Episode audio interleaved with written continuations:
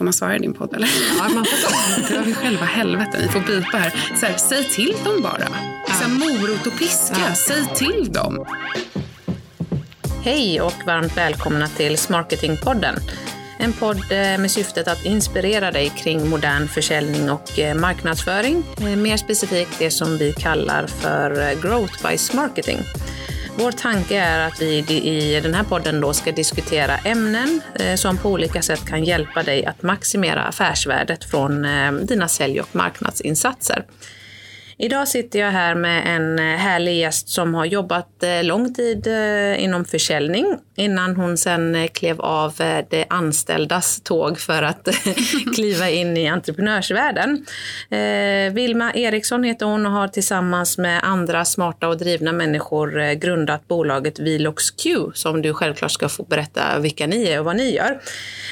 Men idag så kommer vi att prata med, om sales enablement och jag vet att det är ett ämne som du diskuterat mycket och brinner för. Så jag säger varmt välkommen Vilma. Tack så jättemycket Nilo. Superkul att vara här. Vilka är eh, Vilox Q om vi börjar där? Ja, men, eh, vi är ett eh, säljpassionerat gäng som har jobbat på och eller drivit kringliggande system, CRM och e-signering, sales enablement-verktyg med mera under lång tid och sett ett glapp i marknaden eh, där man tar fram offerter. Så det vi vill göra är ju att ta bort all friktion som har med att skapa offerterna att göra. Det kan ju vara att man sitter i Excel eller spreadsheets, man hämtar information från olika system och sen så ska man manuellt med kunskap sätta ihop det här till en säljande offert. Så vi är alltså en CPQ-plattform, Configure Price Quote. Okej, spännande. Och det passar ju, och det finns ju en anledning till varför jag bjudit in dig just till att prata om eh, sales enablement. Men jag tänker innan vi dyker in i dagens ämne, för att man ska få lära känna Vilma lite mer, eh, personen Vilma. Du driver ju en podd som heter Fail and Grow, där jag vet att du brukar fråga dina gäster om deras eh, största jobb fuck up. Och eh, vad jag vet så är det ingen som har frågat dig, så därför tänkte jag börja med att fråga dig. Vad, ge mig din största jobb fuck up. Ja, jag är jätteglad att du frågar faktiskt. Att jag faktiskt väntar på att jag ska få tillbaka kakan Ja, i vad bra. podden. Men får den eh, nu. får den här istället. Eh, nej men absolut. Eh, och jag har sugit lite på vad det här är. Jag kan tänka mig att många kollegor tycker att det skulle kanske varit eh, något annat. Eh, jag är lite, har varit lite kattlö genom min uppväxt eh, internt som jag vill driva igenom apropå vad vi så här, kommer att prata om sen, var customer obsessed. Eh, men det här är någonting som jag gjorde första halvåret när jag jobbade som säljare inom B2B. Eh, jag var 25 år, jag hade aldrig sålt, sa, visste inte vad SAS var, tech ingenting, jätteoteknisk person i grunden. Och eh, satt på ett bolag som heter Viraya. Eh, och jag började då med grundaren där, eh, Mischa Gottfarb. Så det var han och jag. Eh, och då var det alltså tjänsten, det var en voice-lösning. Så att vi skulle då skicka ut eh, ett eh, röstmeddelande av en gymkedja som skulle expandera. Eh, och i voice-meddelandet, alltså det är ju som en förinspelad röst som ringer ut aktivt. Om Okej, någon då svarar så skickas det också ut ett sms och där var det en kod som man kunde liksom konvertera på. Och det här skulle väl gå ut, inte vet jag, tisdag klockan 10 eller liksom, ja, någon lämplig tid. Eh, och eh, jag som är så oteknisk var också ansvarig för leveransen. Så att jag satt ju och klippte de här ljudfilerna och skulle liksom schemalägga det här och sådär.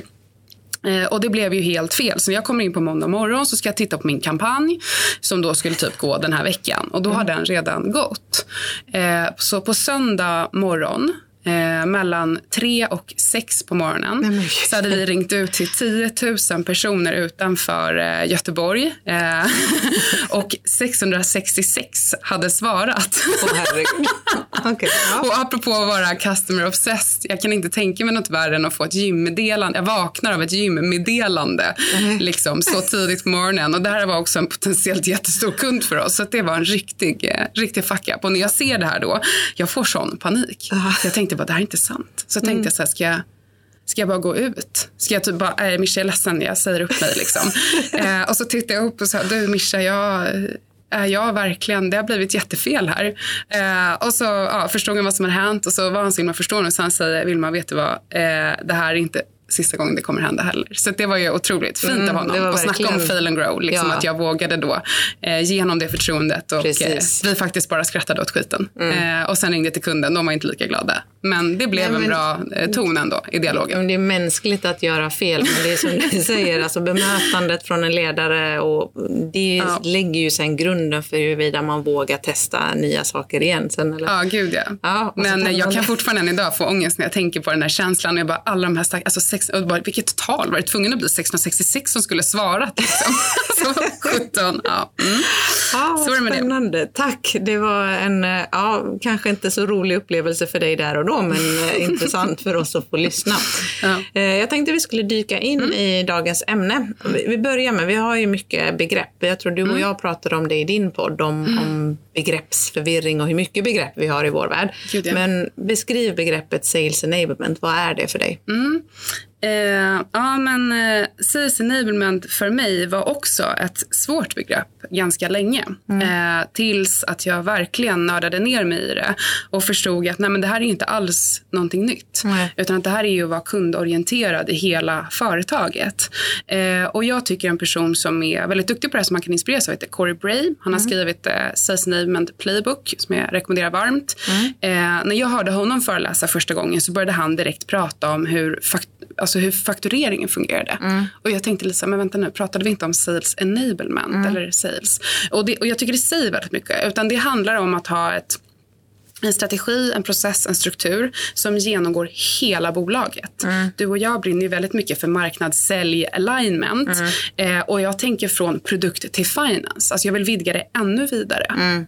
Så att det handlar om att eh, vara eh, kundorienterad och ge säljarna bästa möjliga verktyg i det här. Mm. Och då kommer det allt från hur produkten eller tjänsterna utvecklas, vilken typ av marknadsföring, mm. vilken typ av samarbete man har, hur det sen ser till att det överlämnas på ett bra sätt och hela vägen till att fakturan stämmer. Mm. Så det är alltså att vara kundorienterad genom hela ens eh, bearbetningsprocess mm. under hela kundens livscykel och ge ens säljare bästa förutsättningar att kunna eh, uppnå det här helt enkelt. Mm, ja, men det var en jättebra beskrivning. Jag när jag har fått frågan, eller när vi har pratat sales enablement, så har jag oftast beskrivit det som att det är att eh, skapa en så, minimera friktionen i säljprocessen, skapa en så friktionsfri säljprocess eh, som möjligt.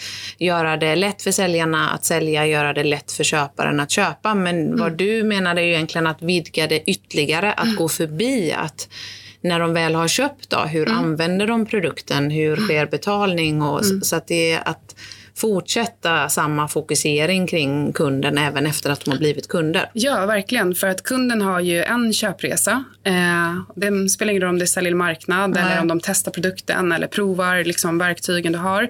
Utan det, och, och tills de här kunder och byter beslutsfattare förhoppningsvis mm. köper mer av er. Mm. Det genomsyrar ju hela den här processen. Eh, och det är där jag skulle vilja då spänna bågen att det här är sales enablement. Eh, och jag älskar ju det du säger att mm. så här, eh, man vill ju hjälpa kunderna att säga ja. Mm. Eh, och när jag funderade på vilka fuck-ups jag skulle ta mm. eh, så skulle det absolut kunna varit någon gång när jag kanske inte gjorde en bra behovsanalys ordentligt. Nästan mm. tryckte ner avtalet till halsen, de signar och sen körnar de. Mm. Alltså, det är ju motsatsen till det bolaget som Verkligen. jag vill driva idag. Mm. Utan jag vill ju ha kunder som eh, rekommenderar oss. Mm. Och då måste jag ju genomsyra allt det här. Och då räcker det inte att stanna med en leadsgenerering. Liksom. Nej. Och det är ju en, en bra brygga över till min nästa fråga som jag tänkte fråga dig. Och det är ju så här, varför ska man bry sig om sales enablement? Varför säger, tycker du att det är så himla viktigt? Ja, men jag tänker att eh, eh vi vet att kunder är otroligt pålästa idag. Mm. Vi vet att konkurrensen ökar. Vi vet att vi lever i en ganska skakig värld som kanske tyvärr kommer vara det ett tag framåt. Mm. Eh, och rykten, alltså jag tänker alla review sites och liknande. Allt ifrån rek om man ska byta frisör mm. privat mm. eh, till G2 Crowd som du och jag kanske är mer nördiga på. Mm. Alltså det, det, det, kommer inte gå att gömma sig. Det är en för liten värld. Mm. Liksom. Så jag tycker att man ska tycka det är viktigt för att Eh, kunden kommer veta hur ni jobbar oavsett. Mm. Eh, och för att vända på det sen, för att kunna attrahera de bästa säljarna. För att kunna enabla tillväxt ja. till exempel. Eh, för att ha en, en, lönsam verksamhet, precis som du säger, med lite friktion. Mm. Så, så här, Alltså jag tror att alla bolag jobbar med sales enablement på någon nivå. Det är bara det att man inte har satt eh, rubriken på det. Och rubriken kommer ju från, eh, allt, alla fräsiga uttryck kommer ju mm. från USA. Liksom. Absolut. Eh, och där är man ju de har ju mycket högre konkurrens. Det är mycket svårare att boka möten där vid telefon. De har ju tagit det till nästa steg för de har varit tvungna till det och vi är på väg åt samma riktning. Mm. Så för att hålla sig konkurrenskraftiga så måste man titta på det här och alla gör redan det. Men man kanske det. ska ha en medveten strategi kring det. Precis, jag tror också det. Jag tror att det finns väl ingen organisation som anställer säljare som eh, i min värld oftast inte är särskilt billiga att ha som anställda Exakt. eller tvärtom så kostar ju oftast... Särskilt eh, trevliga. Ja. så här kom dina fördomar fram. Nej, men, men det kostar ju att ha, alltså anställda kostar ju och då vill man ju givetvis ge dem så bra förutsättningar som Exakt. möjligt för att lyckas. Så, så egentligen är inte sales enablement precis som med marketing inget nytt begrepp. Det är Nej. bara en, ett paraply för att att eh, ge sin säljorganisation rätt förutsättningar för att kunna sälja så friktionsfritt som möjligt. Ja. Och ehm. kunna kravställa sina säljare också. Ja. Det här är vad vi tillhandahåller till er. Vi har en strategi vi mm. har en uppsatt playbook, det vill säga vilka kunder säljer vi till, hur säljer vi till dem, hur går en säljprocess till, mm. vilka verktyg har vi, vilket content har vi, när använder vi det? Här, det här har vi tagit fram till dig kära säljare. Mm. Men då förväntar vi också av dig att du anammar det här i din säljprocess. Och Precis. att vi kan kravställa dig på dina, till exempel, jag hade en så inspirationsföreläsning med ett gäng säljare i fredags. Det var så roligt. Vi satt och borrade ner deras siffror. Mm. Okej, men eh, liksom, eh, Claes här, hur många möten bokar du och hur många affärer blir det? Vilken hitrate har det? Och vart är din kedja kan vi optimera? Just det. För då kan man också kravställa säljarna mycket hårdare fast på ett väldigt naturligt sätt. Mm. Så egentligen skulle man kunna, eller bör man implementera en sales enablement strategi eh, totalt sett för bolag bolaget och varför man ska bry sig. Ja, vill man växa, vill man kunna konkurrera eh, så, så behöver man att ha, ja, på ett resurseffektivt sätt. Ja, men sen menar du på att man skulle kunna gå in även på individnivå och jobba med sales mm. enablement per säljare? Absolut. Mm. Eh, och jag skulle säga att en säljcoachning är ju en sales enablement. Alltså en, en säljchef eller säljledare eller coach, vad man nu vill kalla oss, mm. är ju någon som ska möjliggöra sälj, att säljaren säljer mer. Just det. Och då kommer vi in på tillbaka till processen, strukturen, de digitala verktygen mm. för det här. Liksom. Mm. Ja, för det, jag, jag tror ju att Sales enablement är eh, givetvis själva strategin men om man skulle bryta ner det i beståndsdelar så handlar det ju om verktyg, processer och eh, content till mm. exempel. Och med content är ju inte bara marknadsrelaterat content. Vi kommer komma in lite på vad sales enablement content är men presentation, en säljpresentation är ju absolut content Gud, som ja. enablar säljarna att, äh, att sälja lättare. Mm. Kan du ge några konkreta exempel på när sales enablement faktiskt har fungerat, när den här strategin har gett resultat? Eh, ja, men eh, det hoppas jag att jag kan. Eh, och jag tänker att eh, om man tar då eh, sales enablement som koncept så tror jag att när du kommer upp i en viss storlek på eh, alltså säljorganisation och då räknar jag nästan med både liksom marknad, eh, SCRs eller mötesbokare mm. till support, liksom mm. någon gräns kanske mm. vid supporten. Där. För supporten ska ju egentligen eh, ha det lättare för att det mm. finns en bra sales enablement. Du behöver ju ha någon sales operation som äger det här någon kanske sales enablement-ansvarig som sen implementerar det här. Eh, för det här är ju väldigt mycket, kommer tillbaka till träning. Anders Holmberg på Get Accept, där jag jobbat tidigare, eh, jag tyckte han sa det så otroligt klokt. Han bara, hörni vi måste träna mer. Vi är mm. som ett, liksom, det är lite så här trött jämförelse att det alltid går till idrott. Men det är ju faktiskt sant. Vi spelar bara matcher. Det vill säga vi har bara möten med kund. Men vi tränar inte själva. Och det är ju det som Sales Enablement handlar om. Eh, till nästa steg. Mm. Du har strategin, processen, verktygen. Du digitaliserar, automatiserar det som går. Ja. Du adderar den mänskliga eh, rollen där det har mest effekt. Mm. innebär inte att det inte ska finnas säljare. Nej, utan man ska addera inte. oss när vi gör som mest nytta, när kunden mm. vill ha oss. Och sen måste vi träna på det här. Liksom. Eh, så att, eh, och eh, nu blir det lite sådär liksom, skryt kanske. Så här, jag har hört i någon annan podd att när kvinnor talar som män låter det som skryt. Så vi får väl se. Nej, det är bra. Jag tycker skryt på. Jag gillar skryt. Det är faktiskt inte våra siffror, men eh, vi har ju då ett CPQ-verktyg. Eh, mm. Och det kan man ju säga är en del av sales enablement. Absolut. För man vill ju liksom minimera kravet på kunskapen hos säljaren mm. Eh, och bygga in det i ett verktyg med guidning istället. Göra det lätt för dem att ta fram eh, offerter till exempel. Ja, mm. exakt. Mm. Så till exempel om man ska offerera eh, vi har ju en kund som heter Hako eh, som säljer maskiner till golfbanor. Mm. Då måste ju deras säljare egentligen ha koll på vilken maskin när, vilka liksom alla tillval till den, skruvar, muttrar, sopborstar, mm. ursäkta franskan, all sån skit. och sen ska det liksom, de är verkligen high-end, de är mm. lite dyrare än deras konkurrenter. De måste ju offerten då återspegla så att när jag får den här offerten att det är lätt för mig att förstå värdet, varför ska jag ha istället för någon annan? Mm. Det är liksom vad vi gör. Mm. Och enligt Aberdeen Group då, så finns det massa smaskiga siffror kopplat till CPQ och jag tycker det är kopplat direkt till Sales Enablement. Så jobbar man med det här då till exempel så kan man ju titta då på om det är en kortare säljcykel. Mm. Där man använder CPQ. Ska den vara 27 procent i snitt kortare? Det vore ju underbart om det mm. alltid blev så när man använde Velox Q. Det mm. varit toppen. Eh, att man kan se att eh, antal säljare som når budget med CPQ-verktyg är det 26 procent högre. Okay. Mm. Och sen har vi min favorit som man också bör titta på tycker jag, snittordervärde. För den tycker jag säger väldigt mycket om om kunden har förstått vad vi gör, om man värdet. har förtroende, mm. värdet om, om säljaren har förstått kunden och kan föreslå den här, den här och den här grejen också. Just det. Mm. Um, och där dubblar man nästan med CPQ. Så att jag tycker att man ska gå in och mm. titta på den interna, är riktigt nördigt här, effektiviteten. Mm. Hur väl oljad maskineri har vi? Mm. Eh, och sen hitta, okej, okay, men vilka nyckeltal har vi som är högst? Kan vi se till att alla höjer den? Alltså vart har vi våra lägsta liksom, nivåer i kedjan?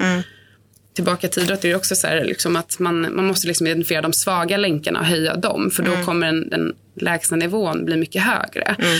Men jag föredrar själv att förbättra det och dela, skala det som redan är bra. För det blir mer positiva coach, ja, eller approach i coachningen. Men eh, Ja, jätteintressant att, se att just ja, CPQ hänger ihop med ja, det är en sales enablement. Det är en del, del i det, men det är ju en del i verktygsbenet mm. om man säger. Om vi delar upp då sales enablement i verktyg, processer och content mm. exempelvis mm. så är det ju en, en, en viktig del i verktygslådan. Mm, men, men jag har också många exempel från våra kunder där när man har in, implementerat och verkligen aktivt jobbar med sales enablement mm, så har vi sett, ja, men vi har mm. sett eh, fler mötesbokningar. Alltså, då har man haft den här eh, sales development-rollen, SDR-rollen mellan sälj och marknad. Mm.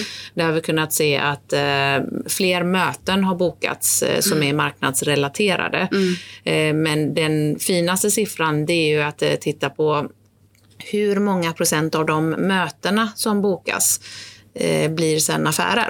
Och då mm. har vi sett att de bolag som jobbar väldigt eh, tydligt med sales enablement har ungefär 50 procent av mötena som bokas via mm. SDR blir affär. Ja, det är en ganska fin siffra. Ja, eh, och, och säljarna får då betydligt fler möten totalt sett. Mm. För de bokar ju givetvis egna möten också. Men, eh, så att, att det finns konkreta fall när det fungerar, det finns det absolut. Och framförallt ser man då skillnad i antal bokade möten, sälj, säljcykeln, tiden i säljcykeln. Mm. Sen får man väl lägga till att det finns ju mycket som styr hur lång säljcykeln är. Men att den absolut kan kortas. Mm. Men som du säger att även ordervärdet kan höjas. Ja. När man Absolut. jobbar med det. Mm. Och det här blir ju då så här, är det här nytt? Nej, det är det inte. Nej. Utan det är att se till att vi ger säljarna bästa liksom, möjliga förutsättningar. Och det råkar kallas sales enablement mm. nowadays, typ. Absolut. Jag, jag, tycker att det är ett ganska fint begrepp faktiskt. Att, enabla säljare. Att uh, sälja. Och vi är ju egentligen både marknadsförare och säljare. I min värld är ju säljare i olika delar av försäljningsprocessen. Jag håller helt med. Alltså, det är tillbaka till kunden. Liksom. Att vara helt kundobsessed. Alltså, de har ju en köpresa. Ja. Och tänker vi en sales playbook så ja, men då kommer vi ner på en sales play sen. Absolut. Och det är ju en enablement av det. Ja, nu jäklar man uppe på läktaren och jobbar med bingolingo här.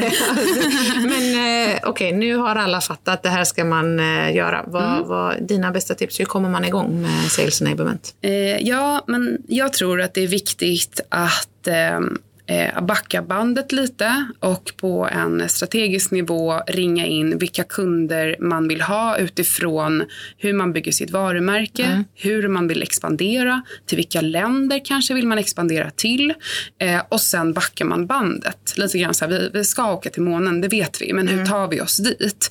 Eh, och sen ringer man in eh, framgångsfaktorerna och sen ser man till att skala det. Eh, och då skulle det till exempel kunna vara att så här, men våra mötesbokare de måste boka fler möten. Mm. Eh, vi kan inte bara ringa kallt. Vi måste ha liksom relevant content och värma upp kunderna på ett bra sätt. Det kan ju vara en grej. Mm. Sen kanske man har några säljare som har sjukt mycket högre hitrate än alla andra. Okej, okay, men vad gör de då? Mm. Eh, så att du liksom börjar ringa in det som man är superduktiga på. För att sen lägga det till alla, att göra det liksom average sales rep till den liksom lika bra som den bästa. Mm. Eh. Men då, nu utgår, I början sa du att en sales playbook är en viktig del i det. Eh, är det en, eh, ett sätt att komma igång? Att faktiskt, ja. Jag tror inte att alla har det. Det tror inte jag heller. Det finns ju jättebra, den här boken som jag nämnde då i början med Corey mm. Brader. Även Vine är väldigt frikostiga. Man kan ladda ner deras mm. till exempel. Så gjorde jag själv när jag skulle ta fram en partner playbook. Mm. För jag var ju partneransvarig i mitt tidigare jobb.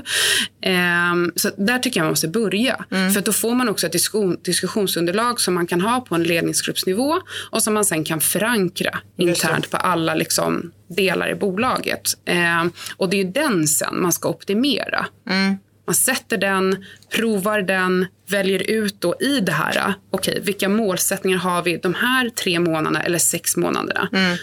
Och sen ger man feedback till sales playbooken och så optimerar man den vidare. Mm. Och där tycker jag är väldigt rimligt att så här, där ska ju marknaden är ju en del av sales ja, playbooken ja, skulle jag vilja jag. säga här eh, och förtydliga. Ja, för, för, det, för mig det, är det självklart, men det kanske inte är Nej, det är nog inte för alla. För när vi pratar, egentligen kanske man ska prata om en marketing playbook. Ja, eh, varför inte? Varför inte? Eh, jag håller med.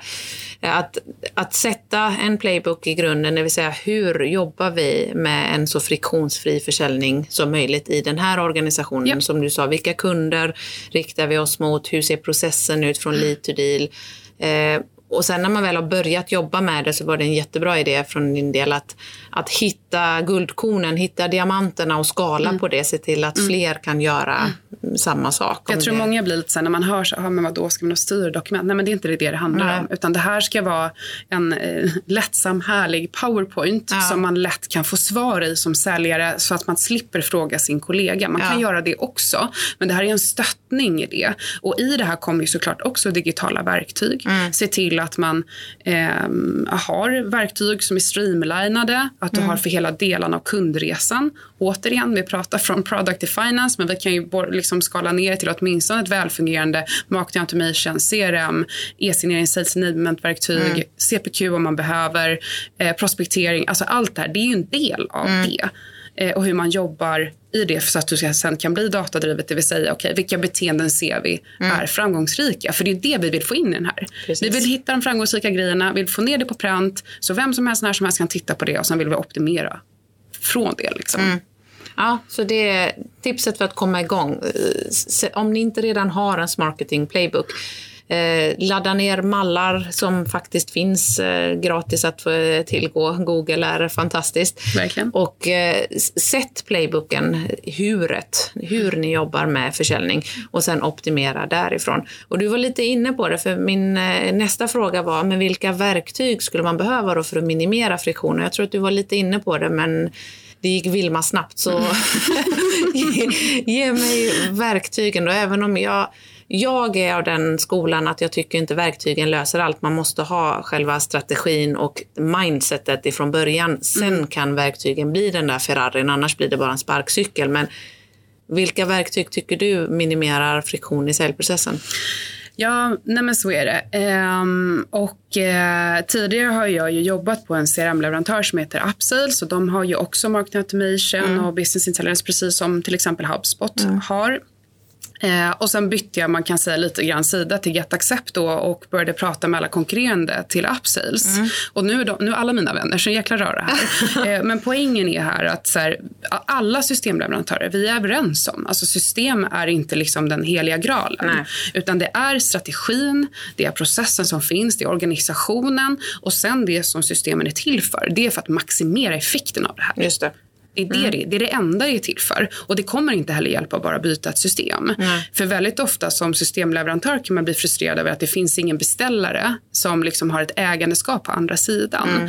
Så att ja, men jag tycker väl självklart att du behöver ju givetvis ha ett CRM. Ja. Eh, om du har köpt in på hela marketing-idén så, så här, självklart så behöver du också då kunna se vilka är på sajten. Ja. Eh, man behöver kunna förstå när de har laddat ner en e-book till exempel om varför, man liksom, varför det ni gör ens är ett problem mm. till exempel. Så ett marketingsystem också på ja, något sätt. Mm. Eh, och för mig är det helt eh, vansinnigt faktiskt att ha det här i två olika system. Mm. Då måste det vara superbra integrerat och då är vi uppe på liksom Pardot Salesforce som redan ändå är ett och samma verktyg. Ja. Nej, men liksom Nej, men jag håller med. Antingen ska det vara i en och samma databas eller så måste de vara tvåvägsintegrerat fullt Ja, men ut. det måste vara väl, ja, det ställer höga krav på att det är ja. top notch helt enkelt utan att nörda ner oss vidare i inflationsträsket. Ja. Eh, så, så, det är väl eh, en bit. Eh, Sen beror det helt på vilka eh, utmaningar ska säga, organisationen har. Men om man tittar på ett snitt så har ju, det här är helt sjukt, men de stora bolagen har ju flera hundra säljappar. Mm. Så jag tycker inte man ska vara rädd för att addera olika Nej. säljappar. Men man ska vara tydlig på, okej, okay, vad är våra liksom, framgångsfaktorer som vi har ringat in sen tidigare. Vilka mm. är våra svagaste länkar? Hur kan vi få upp det här? Just. Och jag tror inte man ska vara rädd idag bolla med oss systemleverantörer. Nej. Jag tipsar gärna om så här, men gå till Goava och Vaino. De har superbra för prospektering för där är ert största problem. Kom till oss sen. För det är det man måste förvänta sig mm. av en mm. säljare idag. Att vara en sån trusted advisor. Liksom. Att vara rådgivare. Men, ja. men som du säger, CRM, eh, marketing automation system. Och sen var du inne då på verktyg för prospektering till exempel. Absolut. Verktyg för eh, offert och CPQ som eh, Ja, och jag själva. tycker ju självklart så här, jag vill ju kunna eh, jag, jag som köpare vill ju få rätt bemötande i det steget jag är i min köpprocess. Mm. Så jag är ju tacksam om säljaren har förståelse av vad jag är i min köpprocess. Det vill säga, ni får gärna spåra mig och se om jag är inne på sajten. Ja. Om jag öppnar ditt dokument, eh, om jag skickar det vidare, för det kommer ge mig en bättre köpupplevelse. Absolut. Så att jag skulle se till att så här, du måste ha systemverktyg som kan spåra kundens beteenden i alla olika kanaler. Ja. Ja, faktum är att eh, visst, många tycker att vi eh, marknadsförare stakar lite väl mycket och att man, man spårar för mycket. Men den moderna B2B-köparen räknar med en viss grad av stakning. Alltså, jag vill ha svar på min fråga här och nu. Jag vill ha en upplevelse och jag vill också att du sätter svaret i en kontext. Jag vill inte ha vilket svar som helst. Så att och utan verktyg, eh, ja det är svårt. nej men det gång, går ju inte. Nej. Och dessutom så finns det hur mycket data som helst på att om jag går in på er sajt och så fyller i så att jag vill bli kontaktad, det vill säga en konvertering. Ja. eh, vore intressant att man går man från MQL till SQL i det läget eller hur ja. är det nu? Eh, nej men då den som eh, hör av sig snabbast då av om man fyller på flera samtidigt. Det är ju den som har överlägset största hitrate att vinna affären. Mm, jätteintressant. Ja, och så det, det är nästan är tvärtom. Jag förväntar mig ju att man, jag blir stalkad. Liksom. Ja. Eh, för att jag blir sur om jag inte köper. Även om man inte kanske är lika framåt som du och jag. Så, ah, nu ska vi se om de ringer här. Jag har varit inne och laddat ner en bok. Liksom. Eller hur? Ja men absolut. Det, är, nej, men det, är jätte, ja, det finns ju en hel djungel i, med verktyg. Men åtminstone de grundläggande när det gäller CRM och eh, marketing automation behöver man ju ha koll på. Men sen givetvis. Sen skulle jag vilja skicka med en grej. Jag tycker att ni gör en fantastisk sak. Och det här är liksom ingenting vi har preppat innan. Så det är ännu mer ärligt nu. Ja, jag bara undersöka för de som lyssnar. Nej men att det finns aktörer som kan hjälpa en med change management. För mm. det är den stora problemet. Och det är tyvärr inte alla systemleverantörer jättebra på. Nej. Man har helt enkelt inte kapacitet för det och man är inte expert på det. Man är Nej. expert på sitt system eh, och vad det kan ge eh, och hur man ska använda det på bästa sätt. Mm. Men där kommer ju ni in eh, som liksom en oberoende aktör och kan rådge och hjälpa och stöta och blöta och också komma in i den här förändringsledningen. För det är ju det som är så svårt. Det är jättesvårt. Jag vet inte hur många gånger jag har suttit med säljchefer och sagt, men ja men Wilhelm jag hör vad du säger men du vet, fan säljarna gör ju inte så. Nej. Och jag tänker bara, Får man svara i din podd eller? Ja, man får Drar vi själva helvete, ni får bipa här. Så här, säg till dem bara. Ja. Så morot och piska, ja. säg till dem. Men jag förstår idag, det är Nej, inte det alltid så lätt. det är inte bara att säga Nej. till. Om jag, kunde få, om jag hade varit miljonär om jag hade fått en eh, peng för varje gång någon hade sagt men hur svårt kan det vara? Det är bara att få dem eh, att göra det. Och, Exakt. Eh, vi, har pratat, vi har haft ett avsnitt om just förändringsresan eller transformationen oh, som företag mm. måste gå igenom. Och det, ju mer komplex organisationen är, ju större ja. organisationen är, desto svårare är det och desto längre tid tar och det skulle jag vilja skicka med apropå liksom att vara customer obsessed sales enablement, spåra kunden. Mm. Alltså beslutsfattarna idag tycker att det är otroligt komplext att köpa in. Ja. Det blir fler och fler beslutsfattare hela vägen. Så att om du inte jobbar sales enablement, hur gör du då? då? Nej. För att nå fram till de här 6,7 i snitt eller vad det är i en average B2B-process. Det är ju helt omöjligt. Om du har en offert som inte så beskriver allting eller du vet inte att jaha, nu är det fyra som har bytt jobb här så gud, vi kommer få en mm. kundtapp. Liksom. Hur gör du då? då? Nej. Den på kakan. Vad är alternativet? Nej, nej, det finns ju inget alternativ egentligen. eh, om vi tittar på content-delen mm. content-benet. Vi har varit inne lite på process och playbook och vi har varit inne på verktyg. Mm. Hur viktigt är content i en sales enablement-strategi? Ja, men alltså jag har alltid tänkt att eh, det här är nog viktigt. Så här, jag vet ju att kunden är påläst. Eh, och sen för eh, kanske ungefär ett och ett halvt år sedan så var jag på eh, en eh, liten så här, eh, ja, miniatyrföreläsning av Susanne Rönnqvist som är VP marketing mm. på HubSpot.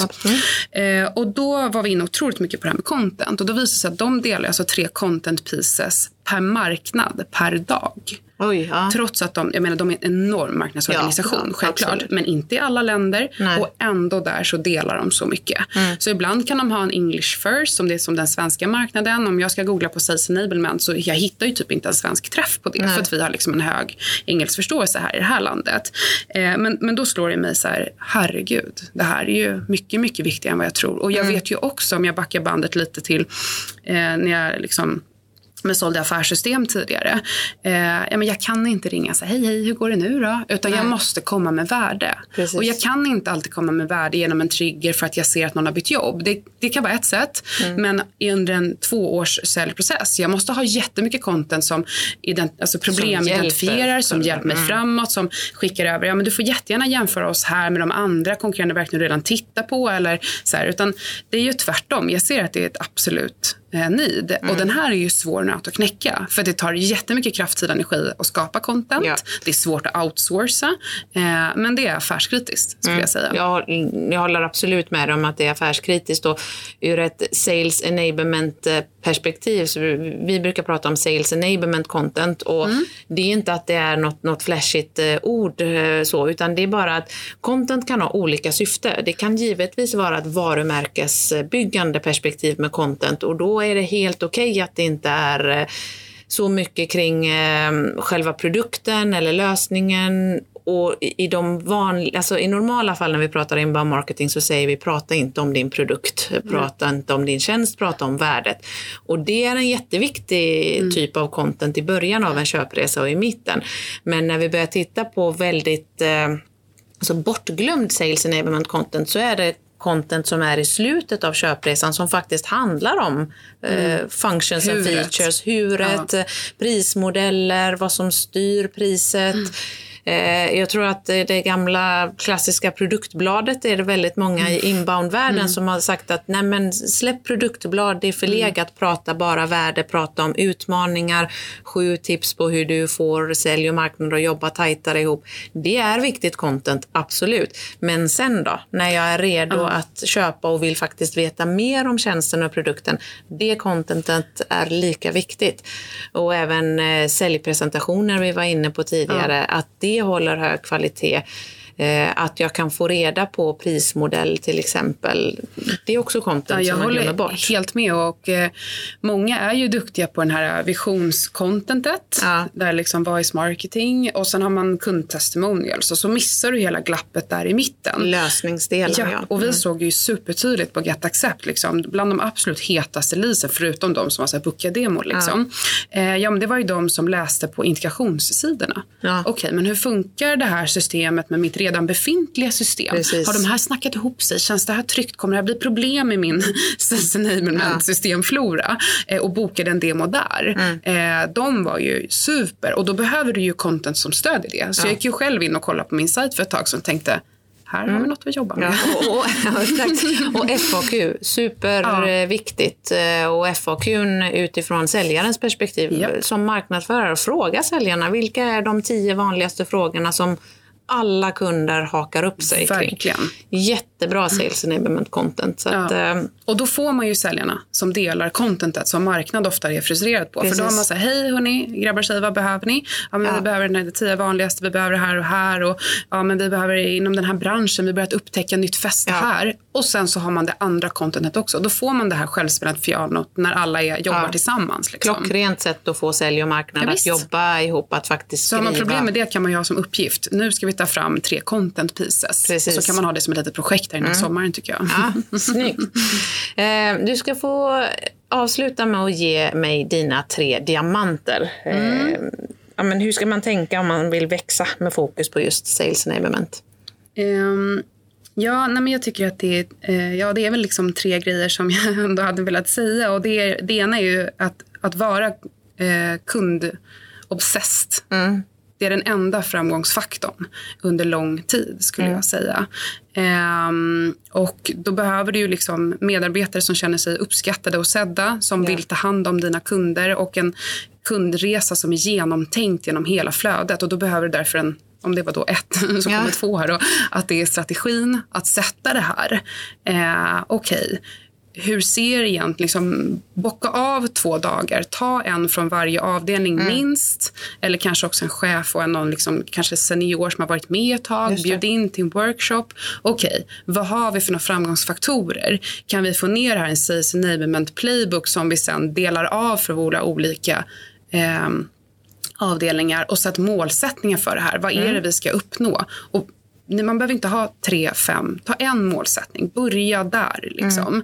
Mm. Eh, och sen självklart få ner en, eh, en playbook för det här. Mm. En Sales Enablement playbook. Eh, och det innefattar ju liksom allt det andra man skulle vilja säga som nummer tre. Mm. Allt ifrån liksom, ja, idealkundsprofiler, verktyg till ägandeskap. Mm. För någon måste vara ansvarig för det här. Och har man ingen så borde det ju vara väldigt högt uppe. Gärna vdn som tycker att det här är viktigt, som ser det här som en tillväxtstrategi. Mm. Eh, och som sagt, det här är inget nytt coolt liksom bingolingo från USA.